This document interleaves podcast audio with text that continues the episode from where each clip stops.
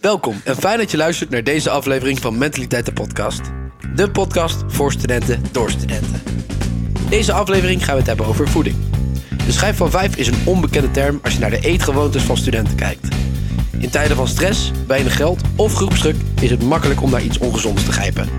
Maar waarom wordt dit zo sociaal geaccepteerd? En wat kan je helpen om een gezondere levensstijl te creëren? Welkom allemaal, eh, fijn dat je luistert. Deze keer eh, gaan we het hebben over voeding, eten en drinken. Naast mij zitten Dominique en Sime, medestudenten op de TU Eindhoven. En, en bij ons zit de expert Jaap. Jaap, kan jij misschien vertellen wat jij eh, binnen het veld van voeding eh, doet? Ja, ik ben eh, hoogleraar voeding en gezondheid aan de Vrije Universiteit. Dus ik hou me be- bezig met voeding. En eh, mijn, eh, mijn onderzoeksgroep die heet Jeugd en Leefstijl. En die gaat eigenlijk eh, over alle dingen die te maken hebben met opgroeien. De- en dan gaat het dus vanaf de conceptie tot aan de- dat je volwassen bent. Eh, en de rol van voeding daarin. Hoe kun je mentale en fysieke gezondheid het verbeteren door gezonder te eten? Oké, heel interessant. En net voordat je volwassen bent, ben je natuurlijk student. Ja, ja. En eh, studenten zijn een redelijk aparte doelgroep Ja. van, van mensen. Ehm, heb jij het idee dat die doelgroep daarin iets afzakt van de rest? Nou ja. een heel erg richt- gerichte vraag natuurlijk. Ja, nou, en t- daar zijn eigenlijk twee kanten aan. De eerste is dat eh hoogopgeleide mensen, dus dat geldt voor scholieren, dat geldt dus ook voor studenten, die zijn over het algemeen veel gezonder dan de rest van Nederland. Vooral mensen met weinig geld, weinig eh, kansen, weinig enzovoort. Die hebben het over het algemeen veel slechter. Die worden op hun vijftigste gemiddeld al chronisch ziek. Terwijl hoger opgeleide mensen, dat zijn jullie in de toekomst, die pas op hun zeventigste dat worden. Dus het scheelt 20, 25 jaar. En, ehm, maar tijdens een studententijd zakt dat even in. En vooral het eerste jaar. Hè, dan, dan weten we ook, er is ook veel onderzoek naar gedaan, dat eh, als je van de middelbare school komt, dan zijn de meeste mensen nog best wel gezond. Ze hebben thuis goed gegeten en eh, er is goed opgelet enzovoort. Eh, maar als ze dan op kamers gaan, dan zie je dat ze ongeveer in het eerste jaar gemiddeld 10 tot 15 kilo aankomen. Zo, vooral als ze bij een studentenvereniging zitten. Eh, want daar wordt er meer bier gedronken, er worden meer snacks gegeten, meer pizza gehaald, weet je, dat soort dingen. Je zit meestal, je stopt met sporten een tijdje, want je bent van je oude sportclub af en je hebt nog geen nieuwe gevonden. Eh, en dan zie je eigenlijk dat eh, nou, heel snel studenten vrij ongezond gaan leven. En dat zie je ook in studentenhuizen. Ik weet toch, mijn, mijn zoon die studeerde in Groningen. En dan moest ik, als ik toen voor het eerst bij zijn studentenhuis kwam... zo over zo'n kratten bier en pizzadozen moest ik zo de trap omhoog.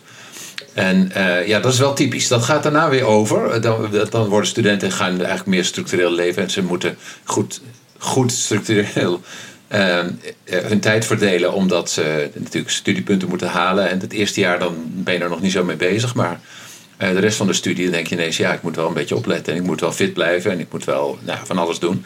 Maar met name dat eerste jaar... dan zie je dus dat studenten vrij ongezond zijn. Ja, dus dat eerste jaar is eigenlijk redelijk dodelijk voor iedereen, eh, soort van. Ja, en, en eh, voor de meesten gaat het dus over, voor sommigen niet. Hè? Dus dat geldt voor alcohol drinken precies hetzelfde. Eh, mensen kunnen heel goed een tijdje veel, veel drinken en daar kunnen ze ook goed tegen. Eh, maar een deel daarvan is ja, ge- genetisch, zou je zeggen, erfelijk eh, vatbaar voor problematisch drinkgedrag. En die blijven daarin hangen. En dat geldt ook voor die kilo's. Hè. Sommige mensen die aanleg hebben om dik te worden, die groeien eigenlijk ook mee, maar die worden nog iets zwaarder dan de rest. Maar eh, terwijl de rest dan weer gewoon weer wat afvalt, het tweede en derde jaar van de studie, blijven zij maar doorgroeien. Hè. En dat is iets wat niet voor iedereen geldt. Ja, inderdaad. Ja, we, we vinden het allemaal heel ja, soort van moeilijk om gezond te leven. Simon, wat vind jij moeilijk aan, aan gezond, eh, wat vind jij het moeilijke aan gezond eten, zeg maar? Nou, ik vind het eh moeilijk aan gezond eten is dat ehm, het eigenlijk zo makkelijk verkrijgbaar is. Als in, als ik ehm, geen zin heb om iets te doen, dan denk ik van, ah, oké, ik ga even lekker gezo- ongezond eten. Ehm, maar het ehm, moeilijke aan gezond eten is dat je heel veel werk ervoor moet instoppen. En dat je heel veel eh, werk moet doen om lekker te koken of goed te koken. En dat het uiteindelijk ook voor mij een stuk duurder is geworden. En eh, dat het daarom ook moeilijk is te balanceren met de rest van mijn leven. Ja, dus prij, prijs en gemak zijn eigenlijk hele belangrijke Ja, factoren. klopt. Zijn er nog andere factoren die, die het zo moeilijk maken? Kijk even naar Jaap en Dominique ook. Nou ja, het overmatig aanbod van ongezond. Hè? Dus het, je kunt eigenlijk voor een habbekrat kun je overal pizza's bestellen en je kunt het allemaal laten bezorgen.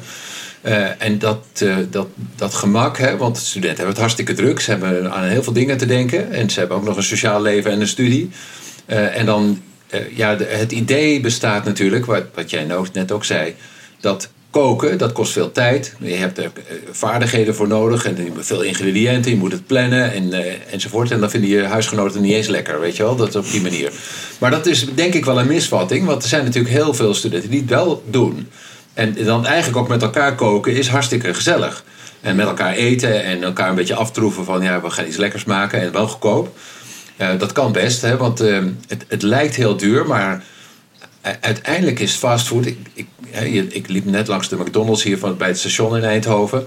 En dan zie je eigenlijk, als je zo'n maaltijd bestelt, ben je al snel een tientje kwijt, toch wel. Nou ja, daar kun je echt heel veel, voor heel veel mensen gezond van koken. Voor, voor dat geld. Dus eigenlijk, eh, een van de grote problemen is dat we te weinig koken. Hoe, hoe enthousiasmeer jij jezelf om te koken, Dominique? Ja, nou, voor mij is het heel makkelijk, want ik hou van koken. Ik heb van thuis altijd, uit uit altijd wel geleerd om te gaan koken. Mijn ouders stoppen altijd heel veel moeite en liefde in om veel te koken, gezond te koken. We hadden een moestuin, dus had ik heel vaak Oh ja. echt, echt vers eten. Vind ik nog steeds heel erg leuk om te doen. En als je er nou echt geen zin in hebt. Als ik er echt geen zin in heb, heb ik in de winter altijd een noodpakket aan aardappelen, wortelen en ui liggen. Dus dat is mijn 20 minuten stampot. En dan eh, heb je ook iets gezonds. En als ik echt, echt helemaal nergens zin in heb, dan wordt het wel eens een pasta salade van de appie of iets in die richting. Want dat is toch Nog steeds aan de gezonde kant van fastfood, denk ik, toch?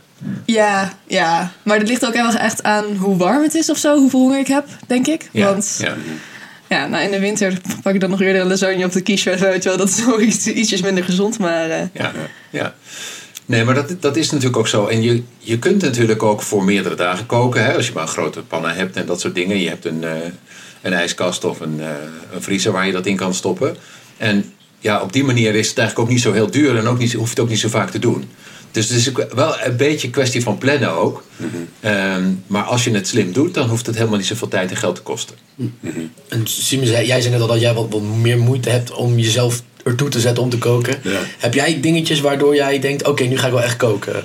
Nou, ik ehm, eh, herken mezelf heel erg eh, niet in Dominique. Want eh, vanuit eh, thuis uit heb ik niet echt geleerd om te koken. Dus ik vond het heel lastig eerst om goed te koken. En ook een ehm, hele normale pasta eh, was veel makkelijker dan eh, echt gezonde dingen erin gooien.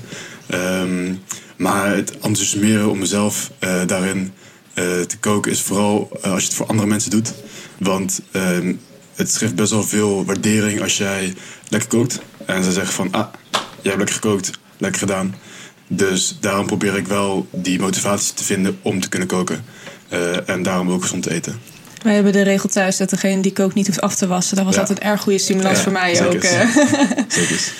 Maar goed, die waardering is eh, denk ik heel belangrijk. Hè? Want eh, als je, je, stel je hebt vier mensen te, eten en je geeft ze pizza, weet je, die afgehaald is, dan denkt iedereen van heeft er helemaal niet, geen tijd en moeite voor gedaan. Het is dus ook een beetje laten zien dat je het belangrijk vindt dat ze er zijn en dat je er tijd en aandacht aan besteedt. En ehm, ja, dan, als je dat een beetje gaat roleren, dan gaat het vanzelf eigenlijk. Hè? De- Dus als je met meerdere mensen in een huis woont, ik weet niet of dat hier ook veel gebeurt, maar dan heb je één keer in de week moet je koken. Nou ja, dat is dan een half uurtje of zo. Dus het, eigenlijk is het ook niet zo heel veel tijd. En als je met mindere, minder mensen woont in een huis, wat dan? Want er zijn genoeg mensen die met z'n vieren wonen die af en toe een huisgenoten niet eens zien overdag. Nee, dat En- is natuurlijk zo. Nou ja, kijk, dan heb je als voordeel natuurlijk als je voor jezelf kookt, dan is het hartstikke duur. Hè? Dus eenpersoonsdingen, die zijn hartstikke duur. Zeker ook als je fastfood en zo bestelt. Eh, maar wat je dan kan doen, is nat- natuurlijk juist voor meerdere dagen koken. Hè? En dat, eh, dan eh, kun je drie dagen van je stampot eten, bij wijze van spreken. Eh, en dat is natuurlijk, ja, dan hoeft het ook niet zoveel geld en tijd te kosten. En als we het dan over gezond eten hebben, hoe eh, gevarieerd is het om drie dagen achter elkaar precies hetzelfde te eten? Nou, ja, dat is helemaal niet erg. Hè? Dus a- als je kijkt naar wa- waar mensen in Azië en Afrika van leven, dat is bijna altijd elke dag hetzelfde. Eh, En, en vroeger aten Nederlanders aardappels, vlees en groenten. Ja, elke keer misschien een beetje andere groenten en misschien een beetje ander vlees. Maar in principe was het natuurlijk bijna altijd hetzelfde. Eh, dus dat is prima gezond als je een beetje varieert van groenten en zo. En eh, eh, drie dagen achter elkaar bloemkoolstampot eten. dat is helemaal niet, of boerenkool of wat dan ook. Dat is helemaal niet ongezond. je krijgt veel minder zout en vet en, en dat soort dingen binnen dan wanneer je fastfood bestelt.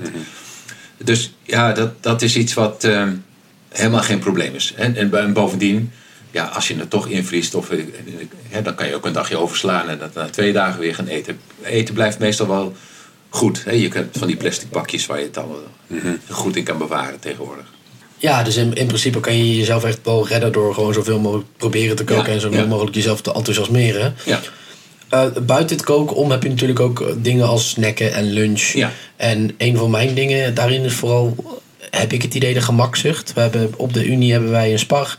Ja. En daar heb je een, lekker Mexicano broodje Ja. eh, en, en eh, een broodje Unox. Eh, terwijl als ik iets verder naar de Albert Heijn zou fietsen, kan ik prima even een brood halen en een pot pindakaas. Ja. En dan ben ik een stuk minder geld kwijt. Maar bij mij is het vaak het punt, eh, naast zeg maar, het eh, koken, ook gewoon al die andere dingen, omdat mijn gemakzucht daar wel te groot in is. Ja, en je wordt verleid hè, door de, door, doordat je het ziet, je ruikt het en je, nou ja, het is warm en je hebt eigenlijk dan een trek. Ja, dat, dat is iets wat heel verleidelijk is. We- we zien dat trouwens in Nederlandse studenten zijn wel een beetje afwijkend van eh, als je kijkt in Europa. Wij doen veel van die Europese projecten. En als je dan studenten uit Frankrijk eh, ziet, die denken dan van ja, maar dat kan toch helemaal niet wat jullie doen. Die zijn toch wel gewend om echt tijd en aandacht te besteden aan hun eten. Maar je ziet dat bij ons al op de eh, middelbare school, hè, dus de, en eigenlijk op de lagere school ook al. Lagere school is tegenwoordig een continu rooster. Je hebt een half uur waarin kinderen dan eh eh, schooltv moeten kijken. Ze moeten hun jasjes aan, ze moeten naar buiten, ze moeten naar binnen, ze moeten naar het toilet en ze moeten eten. Een half uur. Dus dat wil zeggen dat kinderen gemiddeld vijf tot acht minuten de tijd hebben om te eten. En dan gaan ze naar de middelbare school en dan gaan ze allemaal naar de supermarkt waar, waar altijd in de aanbieding de croissantjes, de frikandelbroodjes, de roze koeken, de energiedranken en, al, en de chips enzovoort zijn. Eh, zeker als je dat met elkaar en een groepje bestel, koopt, dan, dan ben je goedkoop uit. En dat is wat eh, gemiddeld eh, eh, scholieren dus doen. En wij zien dat, dus in, in de bovenbouw, hè, zeg de, de laatste klas van het VWO, dan zie je dat die kinderen dat nog steeds doen. En de eerstejaars bij ons doen dat dus precies hetzelfde. Die staan voor die uni- university spar, zoals dat mooi in het Engels heet. Inderdaad in de rij voor de frikandelbroodjes, de roze koeken en de, dat soort dingen. Dus gemak, gewoonte, prijs, hè, want het is meestal altijd in de aanbieding, het is niet zo duur. Eh, ja, dat, dat maakt eigenlijk dat studenten dus heel vaak daarvoor kiezen.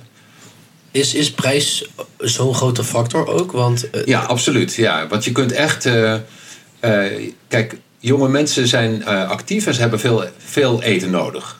Je bent net uit de groei, maar je- ja, zeker als je nog tiener bent, dan ben je nog ontzettend bezig met, met groeien en ontwikkelen. En dat kost een heleboel energie. En dan kun je wel een salade gaan eten, maar dat vult helemaal niet. Je kunt snoeptomaatjes gaan eten, maar dat is, eh, dat is geen vervanging voor een frikandelbroodje. Hè, want dat vult en dat geeft een hoop energie en je, kunt er, eh, ja, je bent er verzadigd van. Eh, dus dat is denk ik ja, wel echt iets wat, wat een rol speelt. En ja, bij ons in de, op de universiteit zijn die salades ook gewoon veel duurder. Hè? Kleine bakjes salade met wat nootjes erin enzovoort. Je bent al gauw 4, 4, 4 5 euro kwijt. Eh, en voor dat geld kun je dus heel veel van die eh, minder eh, gezonde dingen kopen. Dus dat vind ik eigenlijk ook wel een verantwoordelijkheid van, van een universiteit. Hè? Zowel bij de, de, de kantines als de koffietentjes en de, en de supermarkten en zo. zijn altijd de ongezonde dingen in de aanbieding. En daarmee verleid je dus eigenlijk studenten tot het doen van ongezonde aankopen. En daar kun je als universiteit natuurlijk ook je verantwoordelijkheid in nemen. En zeggen dat wij, wij willen dat anders. Ja, dus die, die, die prijs die beïnvloedt het vooral ook dat waar mensen naartoe gaan om te eten. Ja, en, en overal is overmatig veel ongezond. Hè, Dus ik, ik loop net langs de Vestdijk naar het station. Nou, ik weet, en als je hier nou naar dat, eh, hoe heet het, dat, dat eh, grote plein, eh, daaromheen. 18 septemberplein. Ja, precies. Ja, ja. Dat is dus eigenlijk alleen maar, alleen maar één ongezonde aanbieder naar de, naar de andere. Eh, en je hebt eh, wel wat gezondere dingen. Dan kun je een yoghurt kopen of zoiets. Maar dan ben je zo 8, 8 euro kwijt, zoiets. Weet je wel, dat is echt... eh, en dus dus eh, ja, dus zo'n een, een stad als Eindhoven, en dat geldt voor de meeste grote steden, die stimuleren ook eigenlijk de vestiging van allerlei ongezonde voedselaanbieders. En daarmee heb je een heel eenzijdig beeld. En als je als kleine, zeg maar zeggen, groenteboer overeind wil blijven in het centrum van een grote stad, dan moet je duizenden, duizenden euro aan huur betalen. Nou, voordat je dat eruit hebt met je salades en dergelijke, moet je ze zo duur maken dat je al heel snel eruit geconcurreerd wordt door de, Dunkin' Donuts en dat soort dingen. Dus, Ja. het, dus het gemak van die even snel wat halen, dat is is ook een stedelijk probleem. is Ja, een stedelijk probleem. Ja, dat is. eh, de, dus de, je ziet dat. eh, we hebben wel eens kaarten gemaakt van steden. En dan zie je al die gezonde voedselaanbieders. Ja, dat is één grote rode vlek eigenlijk als je puntjes maakt op de kaart. Hè. Dus dat, ja, er zijn overal, en, en dat geldt bij ons ook met name in, in eh, de wijken waar mensen minder geld hebben. Daar zijn al die ge- gezonde winkeltjes die zijn vervangen door grote ketens. Meestal Amerikaanse ketens van eh, origine. Ja, en die, eh, die maken het zo goedkoop ehm, dat ze iedereen weg kunnen concurreren. En dan gaan ze de prijs omhoog doen. En dat vinden steden oké. er is blijkbaar heel moeilijk voor een eh, stadsbestuur om te zeggen... rondom de scholen willen wij niet alleen maar fastfood aanbieders... en supermarkten die stunten met de ongezonde dingen. Wij willen eigenlijk ook dat er eh, voor dezelfde prijs ook gezond gegeten kan worden. En dat gebeurt dus helemaal niet. Dus ja, het is niet alleen de schuld van de studenten, zal ik maar zeggen. Als je dus weinig tijd, geld en, en mogelijkheden, kennis en vaardigheden hebt... dan word je bijna gedwongen door het aanbod om ongezond te eten. Nou, dat is hele interessant eigenlijk wel. Want ik heb het idee dat studenten het altijd wel redelijk aan zichzelf wijten. Maar natuurlijk is het ook wel een beetje de omgeving Ja, het- waar je in, in studeert. Ja, ja. Die, kijk, die, eh die, die fastfoodrestaurants die richten zich ook echt specifiek op jonge mensen. Hè? Dus daar is gratis wifi, hè, wifi en daar is gratis dit en dat. Dan kun je een beetje chillen en zo. Ehm, dus ja, ze maken het heel erg aantrekkelijk voor, eh, voor jonge mensen om daar juist naar te- naartoe te gaan. En om het eh, toch weer terug te gaan op de schuld van de student. Ja, ja. ja het is altijd, altijd beide natuurlijk. Ja, hè? natuurlijk, ja. Maar je moet, eh, je moet stevig in je schoenen staan en goed plannen enzovoort. En, eh, en, en dus kunnen koken en nou ja, dat belangrijk vinden om weerstand te kunnen bieden tegen zo'n ongezonde voedselomgeving. En jezelf er dus ook niet stom over voelen als het een keertje echt niet is gelukt voor, bij jezelf. Nee, nee, nee. En je kan daar als eh, universiteit, ik weet niet of mensen van de universiteit ook luisteren, maar wij hebben bij, bij universiteiten en hogescholen wel eens ook eh, karren neergezet met groente en fruit. Hè. Dat was dan eigenlijk over de, tegen de datum aan, zal ik maar zeggen. Dus, eh, en en dingen die niet meer naar de supermarkt mochten. Die werden daar gewoon neergelegd. En dan zag je dat studenten eigenlijk allemaal wel groente en fruit meenamen naar huis. En, en ook daar ter plekke opaten. Eh, dus het is ook een kwestie van eh, maak het dan wel ook gemakkelijk eh, voor je studenten om gezonder te leven. Ja, ja, snap ik. Ik denk ook dat de studenten wel gewoon gezond willen leven. Ja, ze willen het best. Ja, Maar het is gewoon zo lastig tegenwoordig. ja dat het- en, en de, ja, kijk, ik ga niet alleen maar eh, eh, zitten, de, de fastfoodindustrie zit te dissen, maar dat, zij zijn natuurlijk heel uitgekiend bezig geweest met het idee eh, in, in de, hè, de geda- gedachte van iedereen te planten dat je alleen maar snel, goedkoop en lekker kunt eten wanneer je bij hun wat eet. En, en alles andere is heel ingewikkeld en moeilijk en dat soort dingen. En duurt lang. En, Ja. en duurt lang. En, ja, en, en dat is eigenlijk gewoon helemaal niet waar. Ja. En je kunt voor, in 20 minuten met een paar ingrediënten, zoals jij net ook al zei, eh, kun je best al heel snel een goede maaltijd in elkaar draaien. En ik vroeg me ook eigenlijk af, want ehm, best wel veel, zeker als je alleen kookt eh, en alleen eet, is dat eigenlijk slecht voor je? Ehm, nee, het, i- je mist wel de sociale context van eten. Want eten in onze, als mensen is het heel belangrijk. Hè? We hebben dat altijd samen gedaan. Al vanaf dat je rond het kampvuur bij wijze van spreken met elkaar deelt en zo. Hè? Dus dat is belangrijk. Eh, zeker als je met verschillende culturen bijvoorbeeld studeert, is het allemaal best wel goed om met elkaar te gaan eten. Eh, het is ook voor vriendschappen. En als je in Frankrijk kijkt, eh, de hele zakenwereld hangt van zakenlunches aan elkaar. Dus, en dat is niet voor niks. Dat is omdat ze dat daar heel belangrijk vinden. En wanneer je le- lekker met elkaar eet, dan kun je makkelijker met elkaar communiceren en kun je zaken doen en dat soort dingen. Dus dat is iets wel wat belangrijk is. En dat heb je in je eentje natuurlijk niet. Wat je in je eentje vaak doet, is dat je denkt: ik ga er geen moeite voor doen. Eh, dus ik ga iets snels doen. Ik ga gewoon achter mijn toetsenbord zitten. Eh, ik let er ook niet op. Ik, eh, ik- meer vullen dan voeden, hè, zoals we dat eh, wel eens Is, zeggen. is dat specifiek iets voor Nederlanders dan? Dat we het allemaal maar snel, snel willen en snel boterham naar binnen Ja, er is en- geen land waar de lunchpauzes zo kort zijn als Nederland. En dat is dan al op de lagere school zo, hè, waar kinderen acht minuten hebben om die boterhammetjes snel naar binnen te werken. Dat is op de middelbare school ook. Er is ook eigenlijk nauwelijks lunchpauze. In Frankrijk nemen ze allemaal altijd anderhalf uur. Weet je, de, en in Nederland is de, ook voor volwassenen is eh, het- ja, het heel gemak, ja, gewoon om heel weinig tijd en aandacht en geld te besteden aan je lunch. Eh, terwijl dat in heel veel andere landen is dat de belangrijkste maaltijd van de dag. Want daar zit je met elkaar en je neemt tijd en eh, je praat eens over van alles en nog wat. Dus het is ook een heel belangrijk cultureel iets. Wat, wat wel zo is, is natuurlijk dat je ja, als je in je eentje eet, ben je wel meer bewust van hoeveel je dan eet. En dat, dat wanneer je verzadigd bent en dat soort dingen. Terwijl als je met elkaar in een grote groep zit en je hebt er allemaal lekkere dingen op tafel staan, dan eet je eigenlijk ook gewoon door terwijl je al vol zit. En, en over die, helemaal aan het begin van de podcast hadden we het over die kilo's die in het begin van Ja. je studententijd er altijd aan krijgt. En dat het eigenlijk normaal is, soort van. Waarom wordt dat normaal gevonden, zeg maar? Waarom met, eh, in het, ik heb het idee dat op middelbare school, als je, als je binnen een jaar vijf kilo of zes kilo aankomt, dat iedereen om je heen is van, hé, hey, gaat het wel? En ik heb het idee dat ook in de werkwereld eh, daar ook wel anders naar wordt gekeken binnen je bedrijf. Als er Ja, ja, ja. iemand binnen een Ja. jaartje Ja. een aantal kilo's aankomt. Waarom in de studententijd, in het studentenleven, wordt dat dan wel normaal gevonden? Nou ja, ik, ik denk dat het een kwestie is van eh, de overgang. Hè? Dus je komt uit een, uit een gezinssituatie met de ouders en broers en zussen enzovoort. En je gaat voor jezelf wonen in een cultuur waar de studentencultuur is van drinken en eten. En, en er wordt natuurlijk van alles ook omheen bedacht. Eh, onder andere door de fastfoodindustrie, studentensteden, om, om je te verleiden tot die ongezonde keuzes.